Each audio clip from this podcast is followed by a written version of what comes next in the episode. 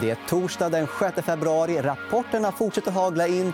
Vi kommer att prata om både stora som små, men vi kommer att prata extra mycket om de små bolagen. Det här är EFN Marknad.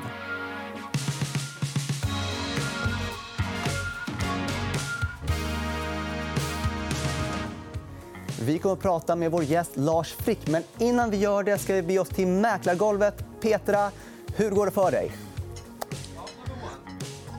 Ja, men det går ju bra. Mäklargolvet på Handelsbanken står jag på med eh, Hjalmar Kågerman. Det är någon slags peak-rapportdag idag, va? får man väl säga. Är det busy? Ja, det tycker jag. Det är en ordentlig rapportflod så man känner sig nästan mör redan när börsen eh, öppnar faktiskt. Ja. Kan du säga några aktier som sticker ut så här dags? Ja, den stora vinnaren bland storbolagen är ju eller Nordea som kommer in med en bra rapport. För första gången på tio kvartal så levererar de intäktstillväxt per rullande 12 månader som marknaden tycker mycket om. Och dessutom så är kostnaden under kontroll, vilket också är uppskattat av marknaden. Mm, det brukar man uppskatta. Det är två bolag som har det lite tufft. Jag tänker på ICA och Axfood. Ja, båda kommer in med ganska lika rapporter, så lite svaga på Q4. Eh, och sen tror jag att aktierna åker på lite extra stryk också utifrån man har värderat upp dem ganska mycket de senaste åren när räntorna har kommit ner. Och nu bör man fundera lite grann på om marginalerna är fullt så stabila som man kanske hade hoppats. Mm. Hinner vi säga någonting om eh, Peab också? Ja, jag tycker det är lite intressant det de säger i, eh, igår då, att de ska dela ut fastighetsinnehaven som ett separat bolag. Dels hittar de 5 kronor i övervärden, vilket är uppskattat såklart. Eh, men sen är tajmingen inte så dum heller utifrån att börsen betalar premie för fastigheter. Eh, så då kanske man kan hitta några kronor till där. Mm. Kan man tänka att det är fler byggbolag som går att tänka på ungefär samma? Jag vet inte om man ska förvänta sig det i närtid men däremot så, så kan man konstatera att det, det finns ju fastighetsvärden i Skanska också såklart. Tack ska du ha Hjalmar Kågerman. Och därmed över till dig Ara. Tack så mycket Petra. Och då ska vi be oss till vår gäst idag.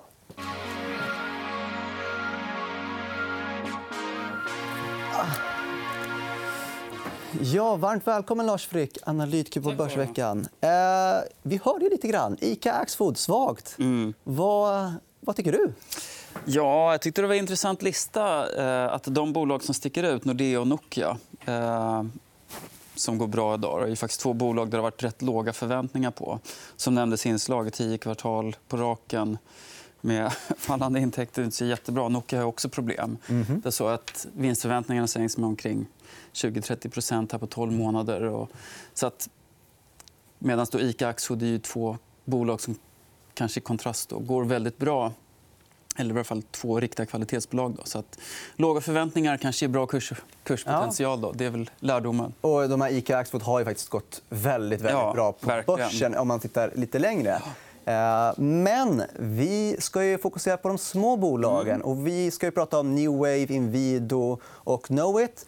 Men vi har frågat tittarna också på Twitter mm. vad de tycker är eh, det mest intressanta av dessa tre. Och klar vinnare är ju Knowit som fick runt 42% av rösterna. Mm. Så jag tycker vi börjar där, Lars Frick. Ja, varför inte? Eh, vi lägger lite extra fokus på Knowit. Mm. De har ju släppt en rapport. Hur gick det? Precis. Eh, lite sisådär, får man väl lov att säga. Och det såg vi föregående kvartal också. Att, eh, på några års sikt så har vi sett väldigt fin tillväxt i Knowit. Eh, och rörelseresultatet tänkt med uppåt. Men vad vi konstaterar nu med bokslutet för 2019 är att vinsten är i princip flatt fast man växer.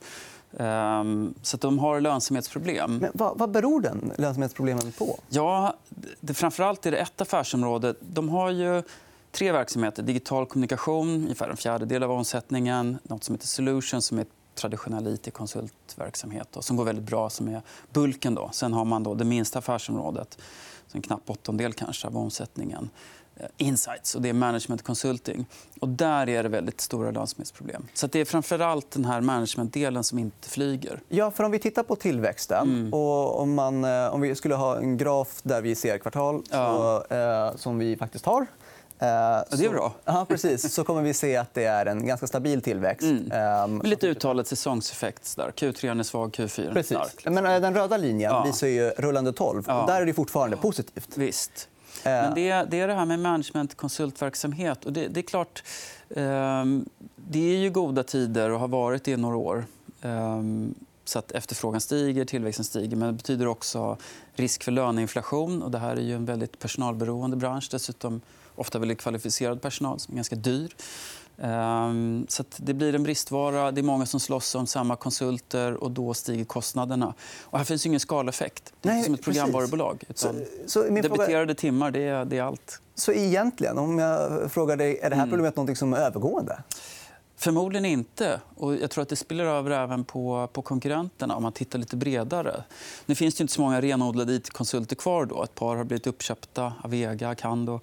Ehm, och det finns ett antal andra konsultbolag som också har programvaruinslag. Då, så att, ehm, det är Knowit, HiQ, Softronic kanske, som, som är mer rena. Ehm, nej, jag tror att det här, eh, det här problemet kommer bestå med personalbrist. Knowit är en attraktiv arbetsgivare. De ligger ofta högt i studentbarometrar. Och så, så att de har ett bra varumärke. Men, men det kommer nog fortsätta kosta. och Jag tror inte man kan ta ut det mot kund. för Det är ju ändå lite svajiga konjunktursignaler. Så att, eh, priset är fast, kanske snart fallande och kostnaderna än så länge stigande. Vi... Också lite intressant... Om, ja. om man får gå tillbaka till Insights. Under Q3 då minskade omsättningen i den här managementdelen med dryga 4 miljoner och resultatet med 9. Nu pratar man om att man har en intäktsminskning och en halverad marginal. Så Det är också lite oroväckande att det blir så stora slag på lönsamheten när omsättningen faller ändå hyggligt modest. Men eh, vi har också fått en tittarfråga mm. just kring eh, branschen. Hans Lindberg på Twitter undrar vad dina tankar är om it-konsulterna inför rapporterna. Alltså just nu, ja. vad... så just nu, jag tror att man ska vara lite försiktig. Fokus på lönsamhet. Klarar de av att hålla rörelsekostnaderna i schack? Eh, det blir nog väldigt tema som kommer gå igen. Och av Knowits rapport att döma så kan det ju vara lite pressat. Och även nu när du ändå har pratat om mm. Eh, att det här problemet kanske inte går över om vi tittar tio års sikt. Är du positiv till den här sektorn? Ja, alltså, eh, det är rätt låga investeringsbehov. och så. så IT-konsulter har ju varit väldigt bra direktavkastningsaktier. Nu ligger nog Knowit inte mer än kanske 3,5% men på lite längre sikt så kan det vara spännande. Eh, men de är också väldigt cykliska, så det får man ha med i åtanke. Då. Vi gillar dem generellt som sektor, men just nu ser det lite blekt ut. Ja, jag tycker faktiskt vi lämnar Knowit. Okidoki. För vi har, du har med dig en spaning. och Därför passar det bra att ta dagens spaning. Ja, dagens spaning. Vad har du för spaning med dig? Ja, det här är inte riktigt min styrka. Då, men jag tänkte chocka marknaden med den miljonte coronaspaningen. All right.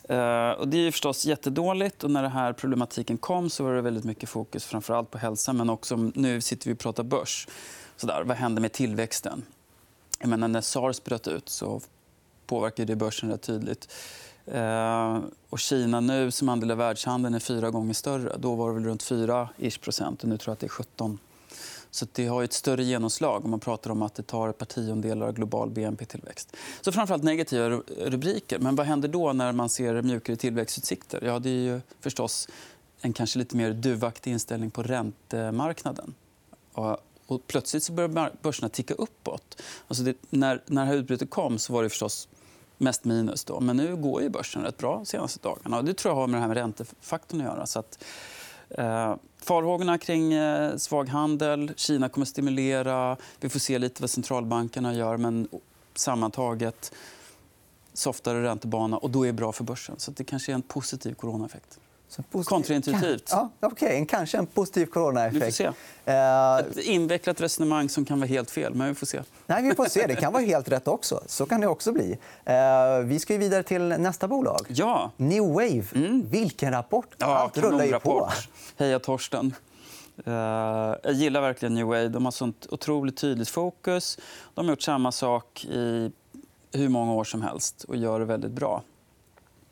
Men eh, det här tycker jag är intressant. Då, att, eh, vi pratade tidigare om en väldigt uttalad volymeffekt i, eh, i Knowit, eller omsättningseffekt. Omsättningen går ner lite grann och lönsamheten kollapsar. Nu växer ju inte New Wave särskilt mycket. Då är det plus ett organiskt. Men eh, trots lite problem, inte minst säsongseffekter med en varm vinter så behåller man marginalerna, bruttomarginalen till och med lite upp. Det är fantastiskt. Jättebra lönsamhet. Jag tänkte just på, de pratar ju om att det har varit varmt väder. Ja. så Vinterprodukter har ju sålt ganska dåligt. Ja. och Det fortsätter även in i nästa kvartal. Ja. Men det syns ju nästan inte. Nej. Fantastiskt. Eh, det är ju rätt roligt. Man, alla konfektionsbolag pratar alla kvartal alltid om vädret. I varje fall när man har, för att ha att skylla på det. Man ser inte så mycket om att vädret kanske har bidragit. Men den här gången får man verkligen tro på det. Det har väl inte missat, undgått någon i Sverige att det varit en galet varm vinter med i princip ingen snö alls. Och det som är som du säger, men det syns inte så mycket i siffrorna. Jag tror till exempel Craft, då, som är stora i kanske flaggskeppet inom Sponsrar Göteborg, va? Ja, just det. De är varit duktiga på att bredda sig sportmässigt. Jag tror att de började med att vara stora i längdskidåkning, som är en väldigt uttalad vintersport.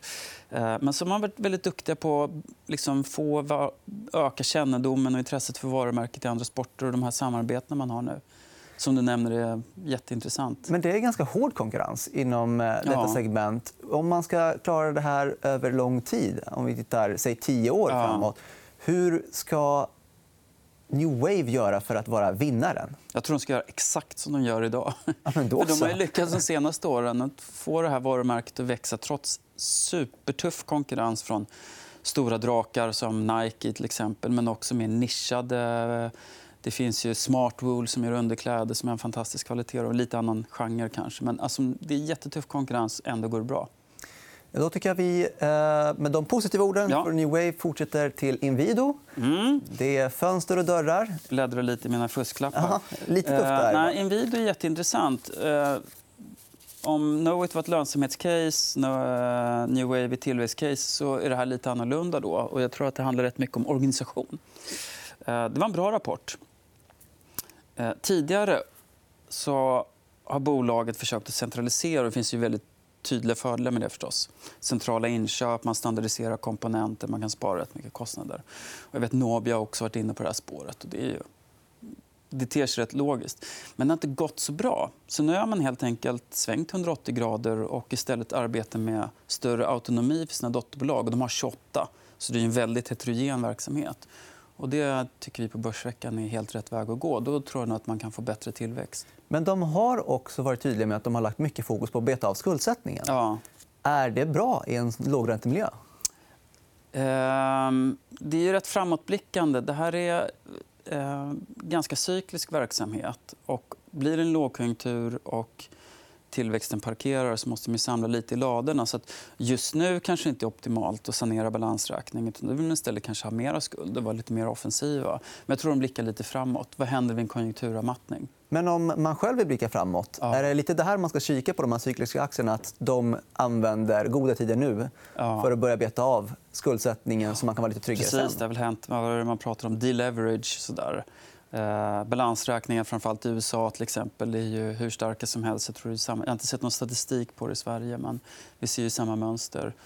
Så att det kan man nog vänta, med. vänta sig mer av. Jag tycker ändå det är ganska intressant. Just mm. Video är ju på... de påverkas ju ganska mycket av bostadsmarknaden. Också. Ja. Och där har det ju varit svängt. Även mm. om det är högkonjunktur har det väl eh, svängt en hel del. Framförallt i Sverige. Precis. Eh, men Sverige är ju inte, de, de, är ju, de har ju en bredare geografisk täckning. Jag tror också är viktigt att komma ihåg att när vi tittar på den svenska marknaden så är det ett särfall. Och det är kanske en av de marknader där Inwido har mest problem. Eh, men ehm, de har ungefär 60-40 retail-företag. Eh, så det är lite annan dynamik. Här är det företagen och nybyggnationen som har, har varit lite trögare. Men privatsidan, där marginalerna dessutom är dubbelt så bra så ser det faktiskt, tycker vi, då, ändå hyggligt ljust ut. Så de, de, är duktiga på att parera det här. De, de har haft ett litet volymtapp, eh, men, men marginalerna består. Det är också jättebra. Så vi tror att den, marginaltrenden här är det man ska ta fasta på. Men du oroas inte av minus 4 i organisk tillväxt? Jo, det är klart det är lite dåligt. Men, men eh, som vi började med, den här organisationsförändringen, om man ger lite större autonomi åt sina dotterbolag så tror jag att de blir friare att söka kanske sina egna vägar till, till tillväxt med en mer lokal förankring. Och det, det kanske kan vända tillväxttrenden. Samtidigt då har man ju faktiskt bibehållit och till och med förbättrat marginalerna. Och vi tror att de kan bli ytterligare lite bättre. Så även om man inte växer så mycket topline så kan vinsten stiga med stöd av bättre lönsamhet. Så... Ett bra case? Ja, ett bra case. Så om vi summerar det här så är väl ändå New Wave den Ja, det är väl kanske ja, den starkaste, den starkaste rapporten. rapporten. Ska vi ta Invidus som tvåa och ja, no, it's, no, it's som trea? All right. Då har vi en ranking också. vi en ranking också. Sånt gillar man. Eh, men det var allt från oss eh, här på EFN Marknad. Imorgon, fredag, så kommer Andra Farhad och Lennart Vara från JP Morgan. Det får ni inte missa. Vi ses då.